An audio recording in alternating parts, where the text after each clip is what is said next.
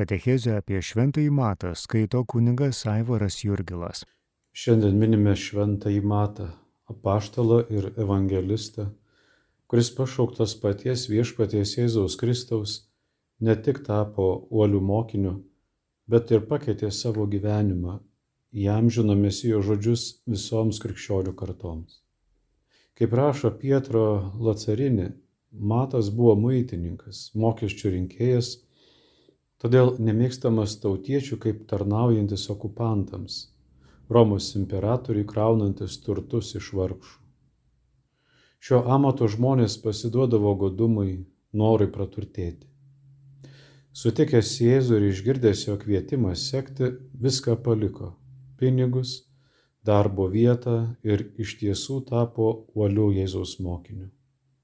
Sakoma, kad Matas ir vėliau labai subtiliai atsisakė savo turtų, išdalijo juos vargšams pagal principą. Kai dalyji išmaldą, te nežino tavo kairė, ką daro dešinė. Maždaug praėjus dvylikai metų po Jėzaus mirties, apaštalas Matas užrašė tai, ką buvo girdėjęs apie Jėzų, kad tai išliktų žydų bendruomenėms tikėjimui stiprinti. Evangelija pagal Matą yra pirmoji Evangelija, kuria šventajame rašte pradedama Naujojo testamento knygų rinkinys. Nors Evangelija pagal Matą parašyta vėliau nei Evangelija pagal Morku, tačiau tai nesutrukdė krikščionių bendruomeniai Naująjį testamentą pradėti būtent nuo šios Evangelijos pagal Matą. Tuo paliudijama, kad ši Evangelija perteikia žinę apie Jėzų, kuris įvykdo paties viešpaties užmojį, apreikštą Senajame testamente. Evangelija pagal matą atsako į klausimą, kas yra Jėzus ir kad jis įgyvendina visus Senojo testamento pranašų lūkesčius ir viltis, nes visai žmonijai priartino Dievo karalystę. Jei skaitysime šventąjį raštą iš eilės knyga po knygos, atrasime, kad apaštalas ir evangelistas Matas pirmasis pasakoja Jėzaus istoriją nuo pradžios iki galo. Labai raiškia kalba, konkrečiai, be kamtos aprašymų, poetinių grožybių ar nereikalingų didaktikų. Jis pateikė tai, kas svarbiausia. Jis pats buvo ne tik Evangelijų autorius, bet ir apaštalas, o tai reiškia, kad dažniausiai buvo aprašomų įvykių liudininkas. Į aprašomą istoriją įsipainijęs ir pats Matas, Levis, maitininkas, kuris kažkada susitiko Jėzų ir patyrė dilemą, o galiausiai ir pasirinkimą, kurį taip puikiai pavaizdavo dailininkas Karavadžijo viską mesti dėl Jėzaus, išsilaisvinti ir gyventi pilnatviškiau, išeiti iš nelaisvės. Gyvenimą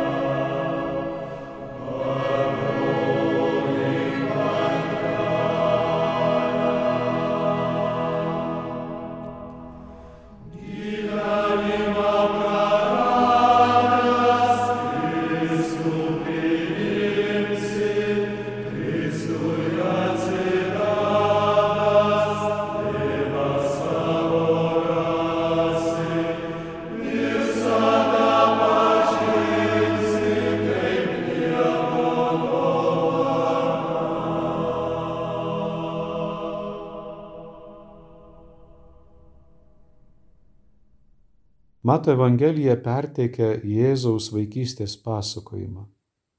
Kaip žinome, Jėzaus vaikystę aprašo tik Matas ir Lukas. Morkus jį visiškai praleidžia, o Jonas, užuot kalbėjęs apie vaikystę, rašo apie Jėzų kaip apie logosą, parodydamas tiesą apie jo dievišką įbuvimą nuo pradžių. Tačiau atkreipkime dėmesį, kad Matas ir Lukas šią vaikystę prašo visiškai skirtingai. Lukas gražiai sugretina du asmenis - Zacharijas ir Marija. Du apsireiškimai - Marijos apsisprendimas ir Zacharijo baimingas ne. Dviejų skirtingų, nors ir susijusių šeimų istorijos. Vienoje gimsta Jonas Krikštytojas, kitoje po šešių mėnesių Jėzus Kristus. Matas daugiausia dėmesio skiria šventajam Juozapui. Apie jo fiat, dilemas, apie jo pasitikėjimą, kad prieš akis besirituliuojanti istorija nėra jo nuotakos, išda, nuotakos išdavystės ar neištikimybės istorija, bet Dievo išganimo istorija. Būtent taip Matas norėjo tai apibūdinti. Jozapas priima visus strateginius sprendimus susijusius su šventaja šeima. Tai klauso dievų žodžių ir įsakymų, tai pasitikė ir tada, kai priima žmoną, ir tada, kai reikiamo momentu pabėga į Egiptą, kad apsaugotų kūdikį, o po akimirkos vėl klausydamas dievų žodžio, Juozapas su šeima grįžta į Galilėją. Matas pradžioje akcentuoja tik tai, kad jis klausosi viešpatie žodžių, visai ne Marijos, apie, apie kurią iš tikrųjų mažai kalba, bet Juozapo. Nors biologiškai jis nebuvo Jėzaus tėvas, tačiau buvo pavyzdys. Ir Matas parodė būtent tokį modelį, sugretindamas Juozapą, priimanti svarbius sprendimus pagal Dievo žodį, kad parodytų Jėzų, kuris būdamas gundomas žino, kieno klausyti ir kieno raginimus atmesti. Štai ką pasakotojas Matas norėjo pasakyti, aprašydamas gundimą. Tai, kad Jėzus klauso Dievo, yra Juozapo nuopelnas. Neperdėsime Mato Evangeliją interpretuodami kaip labiau vyrišką, nes kitaip nei kiti evangelistai Joje tiksliai sprendžiamos būtent vyrų dilemos. Patį Jėzaus gimimą daugeliui vaikinų mielą archetipinį pasakojimą apie gimimą Betlėjaus oloje Matas iš tikrųjų praleidžia. Jis sutelkia dėmesį į kitą, daug svarbesnį senovės bažnyčiai dalyką - trijų karalių nusilenkimą. Būtent šis įvykis davė pradžią pirminiai Kalėdų šventės versijai - trijų karalių šventė. Trijų išminčių nusilenkimo teologinė žinia yra ta, kad visas pasaulis laukia mesijo ateimo ir visas pasaulis, įskaitant pagonis, jį atpažino ir pagarbino. Išminčius, matas nieko nesako apie karalius šiandieninius intelektualus ir mokslininkus, žmonės iš kūno ir kraujo, toli nuo naivaus pamaldumo, bet tvirtai besilaikančius sveiko mokslinio tyrimo ir įsitikinimų. Prie ėdžių atvedė racijo ir fides, protas ir tikėjimas, žvaigždė danguje, to meto kalba tariant, pranašaujanti didžiojo valdovo gimimą ir Dievo žodis, pranašystė, būtent ji, o ne žvaigždė, galiausiai nurodė išminčiams gimimo vietą Betliejus.